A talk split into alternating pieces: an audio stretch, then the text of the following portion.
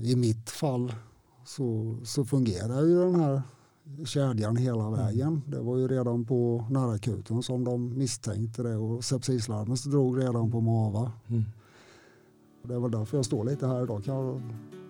Ja, samtidigt är det väldigt svårt att ta in att man faktiskt har varit så pass sjuk. Du lyssnar nu på podden Nära dig från Region Jönköpings län. Patienter och andra får här berätta och fördjupa sin historia. I det här avsnittet ska vi träffa Stefan Lorentzon som tidigare i år drabbats av en septisk chock. Ett mycket allvarligt tillstånd. Vi har också med oss läkaren Jesper Svefors som eh, genom bland annat antibiotikabehandling hjälpte till att rädda livet på Stefan vid det tillfället. Välkomna hit. Ja, tackar. tackar. Stefan, jag tänkte att eh, vi kan börja med att du berättar lite om när du blev sjuk. Vad var det för symptom som du fick då? Ja, det, det började som en vanlig influensa egentligen med, eh, med vanlig feber och ont i kroppen och, och så. Eh, sen vid någon vecka senare så stack febern iväg upp till 42 grader och då åkte vi in till närakuten. Och där blev jag kvar ett bra tag. Ja. Men alla symptomen började med som influensaliknande symptom. På inget annat. Och innan det så var du helt fullt frisk? Ja, ja. Oh ja, oh ja. Min eh. tanke var att jag skulle komma hem dagen efter. Det blev inte så. Vad var det avgörande som gjorde att du kände att nej, nu behöver jag vård?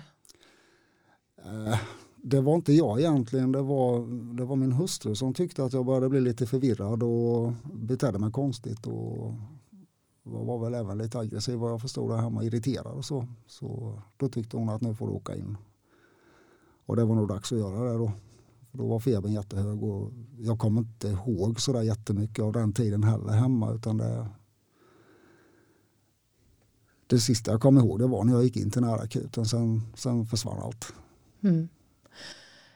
Eh, och Jesper Svefors, då, du är överläkare på infektionskliniken. Vad vet du om Stefans förlopp när han kom in här på närakuten och sen vad som följde? Mm. Jag träffade ju Stefan lite senare i vårdförloppet då men, men eh, eh då pratade vi om hur det var i början där eh, när Stefan kom in. Och närakuten ligger ju uppe på Ryhov numera och eh, träffade ju en läkare där och eh, som gjorde en bra undersökning. Och det som var väldigt kul och, viktigt var att man redan där var noga med att kontrollera det vi kallar för vitala parametrar. Alltså andningsfrekvens, hur snabbt man andas och syresättning eh, som man kan mäta. Den ska ligga uppåt 100 procent och där tror låg det under 90 procent och det är inte normalt. Och även pulsen som var hög och blodtrycket var lågt. Mm. Och man noterade också det här som du själv sa att det har varit förvirrad innan eller kanske inte mm. riktigt mm. hängde med som du brukar då. Så att man var väldigt snabba med att förstå att det här var något allvarligt och det måste komma direkt till stora akuten för vidare handläggning och behandling. Mm. Är det då det går ett så kallat sepsislarm eller hur går det till?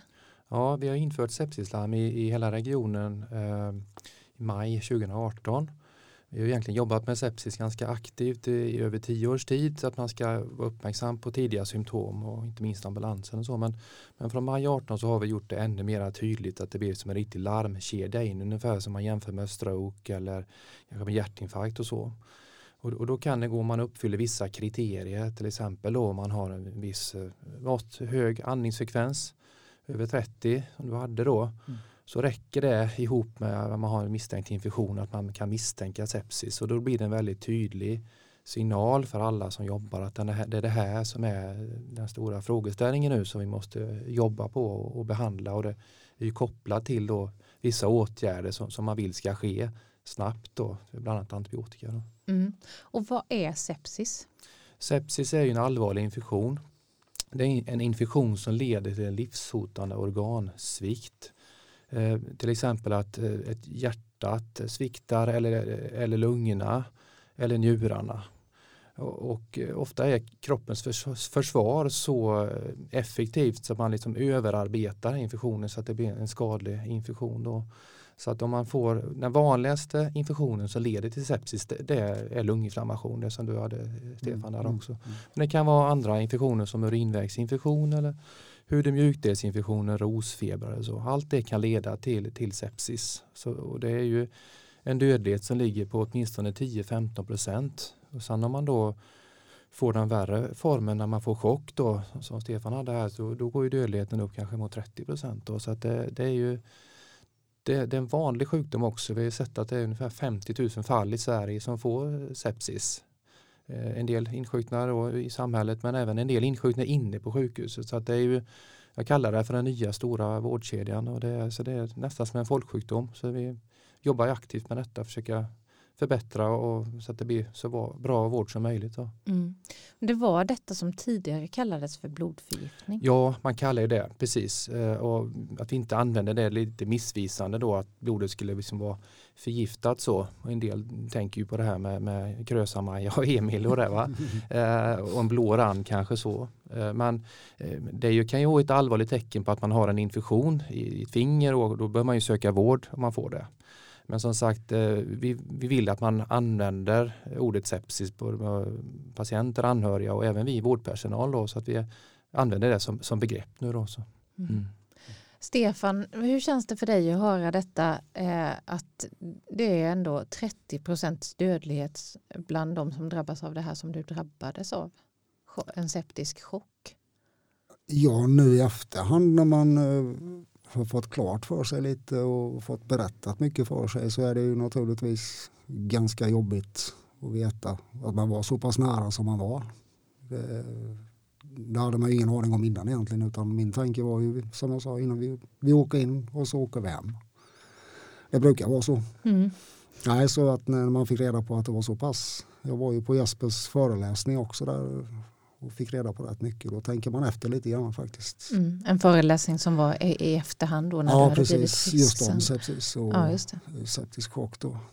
Så det var rätt intressant. Mm. Det, är ju, det är ju så också att den är ju, det är ju lurig. Man vet inte riktigt vad man har, att man har det. Eh, för symptomen är ju liksom precis som en vanlig förkylning eller influensa eller vad det kan vara som i mitt fall också. Då. Jag hade ingen aning om att jag hade sepsis utan det kom ju först sen efter. Mm. Du berättade ju innan då att du, du minns ju inte så mycket efter det att du hade kommit in till eh, närakuten eh, och sen vet jag att du då blev nedsövd och låg eh, i åtta nio dagar. Mm. Eh, men vad minns du av alltihop? Alltså, vad har du för minnesbilder? Ja, minnesbilderna slutade egentligen när vi kom in till den här akuten. Jag kommer inte ens ihåg att vi var där inne. Um, sen efter det så tog det bara ett dygn. Sen låg jag ju uh, nedsövd uh, i respirator. Då. Och det jag kommer ihåg egentligen det är ju bara hallucinationerna och mardrömmarna efter medicinerna. Sen, uh, sen vet jag att jag när jag vaknade upp lite grann och blev flyttad tillbaka till infektion det var väl då de riktiga minnena kom tillbaka igen. Då man började känna igen sig och, och man visste att här har jag varit innan och så, och så där. På IVA så nej, det var otäck värld där nere. Ja, ja, för du var, hade ju, du var ju väldigt kraftigt medicinerad. Mm. Hur många mediciner hade du? Om jag inte missminner mig så tror jag vi låg på 32 stycken i läkemedelslistan i det kritiska förloppet. Då. Mm. Ja, Jesper, påverkar det patienten att vara så kraftigt medicinerad? 32 mediciner? Alltså normalt sett är det ju inte bra att man, att man har så många mediciner, inte minst för äldre.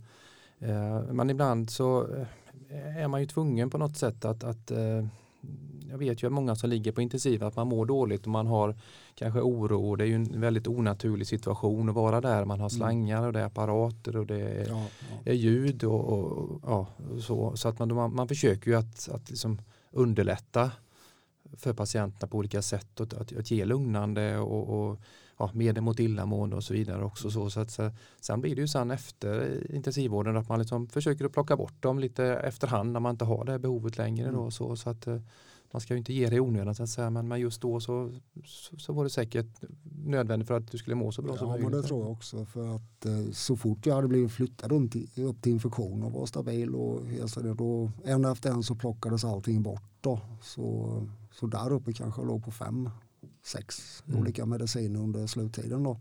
Mm. Så det jag fick där nere var nog nödvändigt. Och så. Mm. Men En av de här, eller flera kanske, var just antibiotika. Mm. Eh, hur stor betydelse hade antibiotikan i det här fallet tror du? Ja, man har ju gjort en del studier på den eh, vad gäller tid till antibiotika och det är mycket det vi jobbar med med sepsislarm, att vi, att vi kan mäta och registrera det i, i länet hur många vi har, hur många som får antibiotika inom en timme. Då.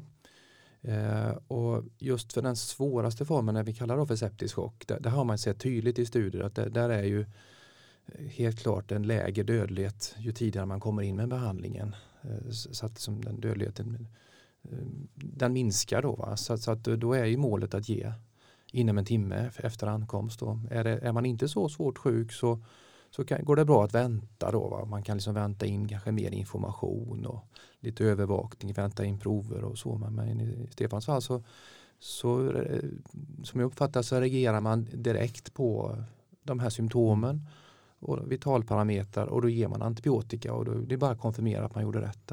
Mm. Så antibiotikan är verkligen livsavgörande här i de här Ja, I det här fallet är det helt klart så. Eh, Sen är det andra fall där man har mera tid på sig och kan värdera och det är också att man måste ge det tillräckligt snabbt och man måste ge det i rätt form och när man inte riktigt vet i början så, så kan det bli bredare behandling och att man behöver ge flera sorter också för att täcka in alla de möjliga bakterier som kan ge lunginflammation. Det är så, det, och att det blir tillräckligt höga doser också i början när, när man är så svårt sjuk. Mm. Man kan liksom inte chansa då. Samtidigt så vet vi nu att sjukvården också jobbar för att minska användningen av antibiotika. Hur hänger detta ihop? Jo, absolut och det, det, det jobbar vi med parallellt också. Eh, vi jobbar ihop med Strama med detta. Och jag tror att, Stama som betyder? ja, precis. Det, det är ju en organisation som gör att man liksom ska ha koll på hur mycket antibiotika använder vi. Eh, man tittar på resistensutveckling eh, och ser med, och, både öppenvård och i slutenvård. Då. Och eh, inte minst om man tittar utomlands där man har ju betydligt mer liberal kanske att ge antibiotika, man ger bredare sorter. Jag var själv i Indien i början på 2000-talet. Då kunde man ju köpa ganska avancerad antibiotika bara i vanliga affärer. Och det är klart att använder man antibiotika på väldigt liberala tillstånd så att säga, då ökar risken för resistens. Och då, om man då kommer in och har en, en, en, en bakterie som är en vanlig luftvägsbakterie som Stefan hade, då, då har vi inte de antibiotika att ta till. Så att vi, vi måste hela tiden jobba med att värdera när ska vi ge det och när eh, kan vi göra uppehåll eller sätta ut eller, eller inte ge någon antibiotika alls. Och, och jag tror att inte minst inom primärvården så kan man göra ännu mer faktiskt om man är noga med att kontrollera vitala parametrar. För har man det, är det normalt så kan man många gånger avvakta med antibiotika. Eh, vissa tillstånd kräver det ändå men, men det är en bra grund att stå på då. Om man är Mm. noga med det. Stefan, hur länge var du inlagd på sjukhus? Ja, det blev väl nästan totalt, jag tror det blev runt tre, tre och en halv vecka som jag låg varav 12 dagar nere på intensiven då, i IVA. Så um, ja, det var en jobbig period. Mm. Du har ju Faktiskt, familj eh, också. Ja, det stämmer det. Fru Eh, och... fru och eh, två hemmavarande smågrabbar och så tre vuxna flickor. Mm. Eh, vad har de berättat för dig i efterhand? Hur var det här för dem? Ja, nu var det ju så att samtliga i, i familjen, där, både grabbarna och hustrun, låg ju också i lunginflammation hemma då och kunde inte vara med så där jättemycket. Men däremot så var mina stora flickor där varje dag och de har berättat mycket om vad som har hänt och hur det har gått till. Och, så de har ju fått till sig allting så de fanns vid min sida hela tiden. Mm. Hur är det att höra de här berättelserna? Det är både intressant men ändå ganska skrämmande att eh, man har varit med om så mycket och inte kommer ihåg någonting egentligen. Eh, liksom vad har de gjort och vad, vad har hänt? Och, så det är lite otäckt. Ja. Och hur har du gjort i efterhand för att eh, komma tillbaka och bearbeta det som hände? Och... Ja, när jag kom tillbaka upp till infektionskliniken då, då var jag så pass vaken så verkligheten började komma då. När man låg nere på IVA så var ja, i min värld så var jag ju någon helt annanstans. Det, det var bara jag i det rummet och massa läkare då. Ehm, men sen bearbetningarna har ju varit mycket tack vare eh, den här lilla dagboken man får som personal och anhöriga skriver i där nere på intensivvårdsavdelningen. Den är välläst och även journalen på 1177 är väldigt välläst. Sen har ju bearbetningen varit, pratat med ja, både Jesper flera tillfällen och även haft kontakt med IVA efter. Då, för viktigt att komma ner och se hur det egentligen ser ut mot vad min hjärna tyckte det såg ut under mm. den tiden. Då. Var det stor skillnad? Ja, oh ja, oh ja. Det, när jag var där så var jag ju inte på Ryhov överhuvudtaget. Eh, och det, det, finns några som kan vittna att jag var väldigt frustrerad ett tag för jag utvecklade ett IVA-delirium i slutet vad jag förstod. Och, och vad betyder det? Det kan nog Jesper svara på, ja. för det vet inte jag riktigt själv. Men Nej, jag, det var väl att jag tror att det var hela infektionen och alla de här läkemedlen också, att, att det blev liksom lite fel i, i kroppen, lite kortslutet ja, på den vis. Ja. Jag fick, eh, jag vet vid något tillfälle så fick jag någon, eh, någon lugnande tabletter som skulle lugna ner mig. För jag var ganska frustrerad eftersom jag inte orienterad till plats som man säger. För mm. Jag visste inte alls var jag var någonstans. Och det var otäckt. Och jag vet själv att jag var lite arg och frustrerad vid de tillfällena. Då man ville bara iväg därifrån och man ville hem. Mm. Och när man pratar med tjejerna då, som var med där så, så bekräftade de ju det också men de liksom bara flinade lite och så var det inte mer med det. Så. Du menar de som jobbar där? Ja, de som jobbar där? Ja, det, ja. de också. Ja, de, du menade dina döttrar? Ja, precis. Mina ja. döttrar där som mm. var med. Det, um, de har ju berättat rätt mycket då eh, om mitt tillstånd. Mm. Men jag, ja, jag vill inte vara där igen i alla fall, det kan jag lova. Nej. Har du blivit eh, liksom räddare, mer vaksam då? Eh, ja, på olika absolut. Sätt? Mm. Oh ja, oh ja. Man har fått en rejäl tankeställare. Eh, speciellt eftersom det här förloppet gick så fort och man visste ingenting. Det tog en dag eh, från man åkte in till sjukhuset då, tills man låg nedsövd i respirator. Och det är ju liksom rackarns otäckt faktiskt. Så visst, jag har varit förkyld nu det sista och det blev ett par läkarbesök på grund av oro. Då. Så det är klart att man tänker efter hur, hur skört livet kan vara och hur fort det kan gå. Mm. Men Jesper, vad är det egentligen som gör att eh, det här drabbar vissa patienter? Mm. Det är ju, vi pratar lite grann om symptom då. Eh, Stefan har tagit upp en del som är typiska symptom. Det är ofta det är plötsligt insjuknande som, är, som kan vara typiskt då. Och att man, många får andfåddhet och, och, förvirring, inte minst äldre då. Mm. Uh, och, och, många har ont, smärtor i kroppen. Man kan ha uh, diarré, kräkningar och uh, en del får den här totala orkeslösheten också.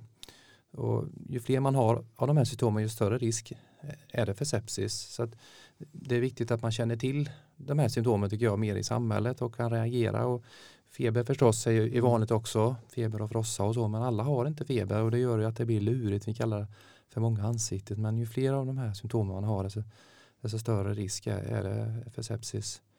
Så det, det, det, är viktigt att även 1177 och SS alarm och hela primärvården är lite grann på tårna vad gäller de här symptomen. Då. Mm. Vad är det som gör att det liksom utlöses på vissa men kanske inte på andra då? Nej. Som också kanske hade samma virusinfektion från början? Det är klart att man har riskpatienter, det är ju mer äldre, man har andra grundläggande sjukdomar, hjärtsvikt eller lungpåverkan och så eller immunförsvaret är ner, då har man en ökad risk. Men, men alla kan ha detta. Stefan är ju frisk sedan innan och mm. ung då.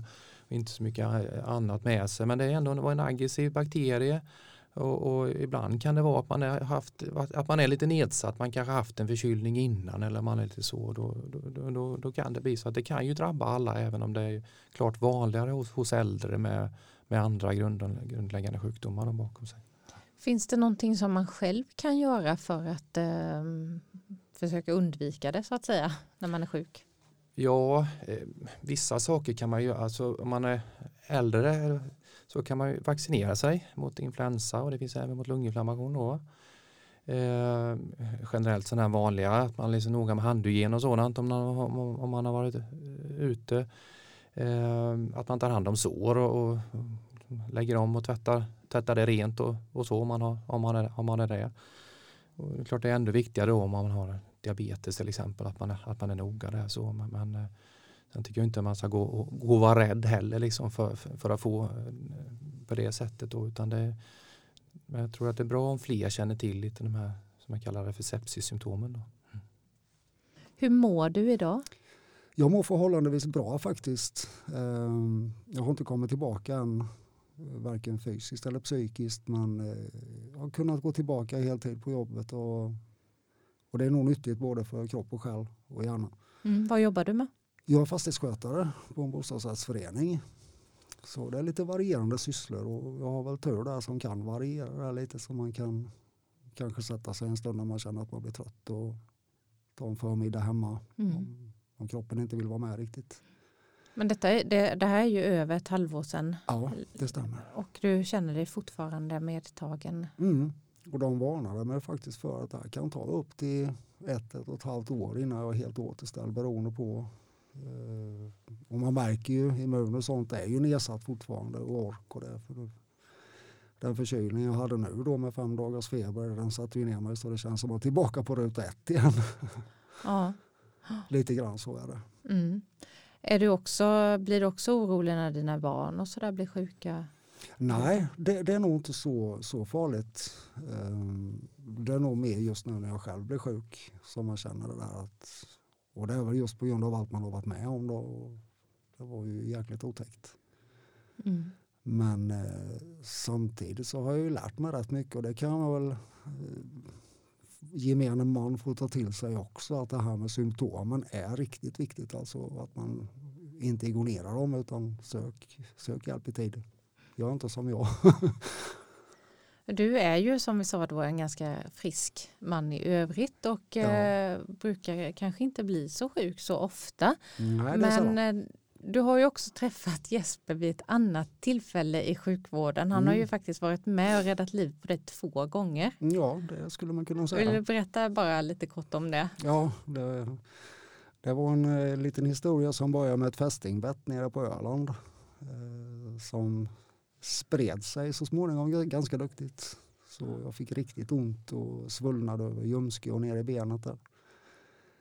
Eh, så jag åkte in till vårdcentralen till att börja med. Då. Och där blev det diagnostiserad med bältros. Och det var för sent för att komma med medicinering och det utan det var bara att vänta ut och se glad ut. Men eh, den här nervsmärtan blev ju värre och värre så det var att åka in till akuten. Och där låg jag några dagar och det blev, ingenting blev bättre. Sen så träffade jag på Jesper när jag blev flyttad till infektionskliniken. Då. Och då körde han igång med ryggmärgsprover den rackaren. Och, och där först så kom det fram till att det var neuroborrelia då. Som hade börjat gå upp i ryggraden och sådär. Så. Sen efter det så fick jag väl antibiotika och hjälp med det och så det blev bra där också i slutändan. Kan räcka nu kanske? Jag tror det. Du vill inte träffa Jesper fler gånger i det sammanhanget i alla fall. Nej, det, vi får ta lite trevligare tillfällen. Jesper, vad, vad, tänker du när du, har, när du träffar patienter, så här friska patienter som du har mm. varit med och, och behandlat? Eh, jobbar ju, ditt jobb är ju att rädda liv, men hur känns det ändå att träffa de här människorna sen? Det är klart att det är roligt och jag, minns ju där på slutet innan du blev hemskriven när din familj mm. var med och sådär och ja, ja, vi liksom pratade lite grann om hur det hade varit och, och, mm. och, man, då var vi säkra på att allt skulle gå bra. Ja, precis. Och det är ju väldigt kul och just när man liksom kan se att det har fungerat genom hela vårdkedjan, liksom att alla gör det man vill och, mm. och så. Sen har, har, vi haft lite kontakt efteråt också och jag, jag tror att det är någonting vi kan bli bättre på att har man haft en så här svår infektion mm. att man ska få en ordentlig uppföljning sen. Som ja, du sa, det kan ta tid ja. alltså innan man är tillbaka helt och man kan behöva ha lite stöd. Då. Ja men absolut. Uppföljningen sen har ju varit i det här fallet fantastisk och har gjort stor nytta för mig. Att få, faktiskt få prata med om det är någonting man undrar mm. över. Och det var ju som, jag hade ju ganska mycket hjärtklappning och hög puls en bra stund efter jag kom hem då. Och då hade jag mycket telefonkontakt både med Jesper och andra läkare nere på bland annat IVA då. Som kunde svara på mina frågor och lugna ner mig och jag var inne på lite provtagningar och det vid flera tillfällen. Och, eh, så absolut, uppföljningen har varit kanon hela mm. vägen. Eh, när det gäller sepsis så eh, finns det också planer för att göra ett sånt här så kallat standardiserat vårdförlopp för det. Mm. Eh, vill du berätta lite om det, hur det skulle ha gått till i så fall? Mm. Jo, men vi har ju flera standardiserade vårdförlopp sedan tidigare. Det är ju mest för eh, cancersjukdomar när man har en klinisk misstanke eh, om, om det, till exempel från primärvården och så, så startar man ett sånt och sen ska det leda fram till diagnos och behandling och det ska vara lika i hela Sverige. Eh, och man ska korta tiden. Och nu har startat tio nya sådana här standardiserade vårdförlopp precis nu bara för en månad sedan. Eh, Bland annat hjärtsvikt och KOL men även sepsis då, flera stora eh, vårdkedjor. Eh, och, jag, och jag jobbar med i det och där kan man väl tänka likadant som i Stefans fall att man vill se att hela den här vårdkedjan ska fungera. Att man ska standardisera det, att man ska kunna få lika bra behandling eh, i hela Sverige och att det då bygger på att man kan ha misstanke kanske i det här fallet i närakuten då ja, om man har, ja. Har en infektion och har en viss andningsfrekvens eh, kanske till och med på 25 per minut och sånt, då har man en sån misstanke och då blir det som en tydlig signal då, som följer patienten och sen leder det fram till att man ska då få antibiotika inom en viss tid. Men det kommer också innefatta då äh, att man sätter rätt diagnos, att man får information när man går hem och att man får en viss uppföljning sen. Så att, mm. Många gånger kanske vi har, har gjort rätt men, men äh, vi vill göra rätt varje gång och det ska vara lika oavsett var man bor i Sverige. Då. Så är tanken. Så det blir ju ungefär ett sånt här förlopp då som Stefan var med i egentligen? Ja, som, som man... blir standardiserat så att säga? Ja det kan man säga. Och, och det pågår mycket kring sepsis nu och, och vi har också det här med granskning då som är igång att alla sjukhus ska granskas vad gäller sepsisprocessen. Där har ju Eh, vi har haft fem pilotsjukhus i Sverige när Eksjö, Värnamo och Jönköping var tre av dem. Fem. Och vi, vi, fick eh, mycket beröm för vår, hur vi, har jobbat och en hel del av det som vi har, har gjort kan man säkert eh, liksom, kanske anamma på andra ställen också. Men vi fick också en del tips hur vi kan fortsätta förbättra detta då. Så att, så att det är väldigt spännande och kul att jobba. Det händer väldigt mycket. Och det, det känns som att det liksom äntligen är en ordentlig vårdkedja. För jag tycker liksom det är, det är många patienter det gäller. Och jag tror att vi kan rädda en hel del liv om vi liksom är, är, är som du sa, på tårna. Mm. Ja men det tror jag också faktiskt. Ja. Mm. För trots allt så är det ju så att eh, i mitt fall så, så fungerar ju den här kedjan hela mm. vägen. Mm. Det var ju redan på närakuten som de misstänkte det och sepsislarmet drog redan på MAVA. Mm. Och det är väl därför jag står lite här idag. Ja, samtidigt är det väldigt svårt att ta in att man faktiskt har varit så pass sjuk. Nej, vi ska vara tacksamma för den sjukvården vi har. Mm. Faktiskt. Du nämnde ju innan eh, där Stefan att det, det var svårt eh, att komma igen både psykiskt och fysiskt. Men ja. jag tänker att det är ju en väldigt fysisk sjukdom. Mm. Vad var det som var svårt rent psykiskt att komma tillbaka? Ja, den psykiska delen är nog ännu svårare att komma ifrån det tror jag. För att det, är ju, det är ju alla de här hjärnspökena som medicinerna ger då och den verkligheten man levde i nere på IVA som Satte så djupa spår? Ja, som många gånger var ganska otäck. Uh, och det lever kvar i huvudet, det gör det. Det är ingenting som vill släppa riktigt Eh, sen är det kanske så också att en viss del av mig vill, vill ha det här kvar. På vilket eh, sätt? Nej, men just att det är en väldigt speciell upplevelse och en väldigt skrämmande upplevelse. Och sen just när man är där så vet du ingenting utan allting kommer i efterhand då som man får reda på. Eh, och de hallucinationerna och mardrömmarna där, någonstans vill man ha det kvar i minne. Så jag har faktiskt skrivit ner hela händelseförloppet på fem A4-sidor som bland annat IVA har fått då. Som har varit väldigt uppskattat. Mm. Man kanske vill minnas det men inte känna det. Ja men precis. En viss del av mig vill minnas det och en viss del tycker att försvinn. Så det är, det är väldigt olika. Och det, det, det, kan poppa upp när som helst de här tankarna och den värld jag levde i då. Under den veckan där nere. Hur länge kan sånt sitta kvar? Som du sa så om man varit på, på IVA intensivvårdsavdelningen då, så, så brukar de ju säga att det kan ta något år kanske till och med mer innan liksom man är tillbaka, mm. nu är jag tillbaka som jag var innan riktigt ordentligt. Då, så att det, det, det tar tid och därför jag tror att vi kan bli ännu bättre på liksom att följa upp patienterna och se hur det går för dem på sikt. Mm. Hur är det att förklara det här för din omgivning med familj och vänner och arbetskamrater och så? Ja, mina närstående självklart det har ju varit en väldigt jobbig process för dem också i och med att man var så nära som man var. Och, men det är mycket förståelse i det hela och samtidigt mycket oförstå, oförstånd eh, just när det gäller det jag har varit med om, om eh, sepsis då, som fortfarande kallas för blodförgiftning hos de flesta. Då. Eh, så det har varit en ganska skrämmande resa för samtliga inblandade. Även sådana som har fått reda på det nu i efterhand, både på arbetsplatser där. Det har varit mycket frågor och mycket att förklara eh, innan folk har förstått hur allvarligt det var egentligen. Vad skulle du då som har varit med om det här, vad skulle du vilja att folk verkligen känner till om den här sjukdomen? Ja, det är ju lite som jag sa innan. Var inte dumdristig. Är du sjuk och, och får symptom som en vanlig influensasymptom som inte ger med sig, sök tidigt. Gå inte med det.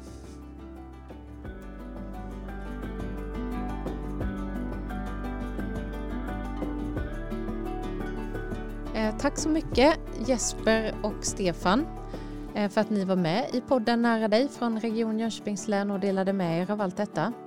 Jag som intervjuade heter Alexandra Svedberg. Det är Anna Lindman som har producerat. Vi jobbar på kommunikationsavdelningen på Region Jönköpings län. Har du synpunkter eller tips, hör av dig till oss på mejladressen kommunikation.rjl.se.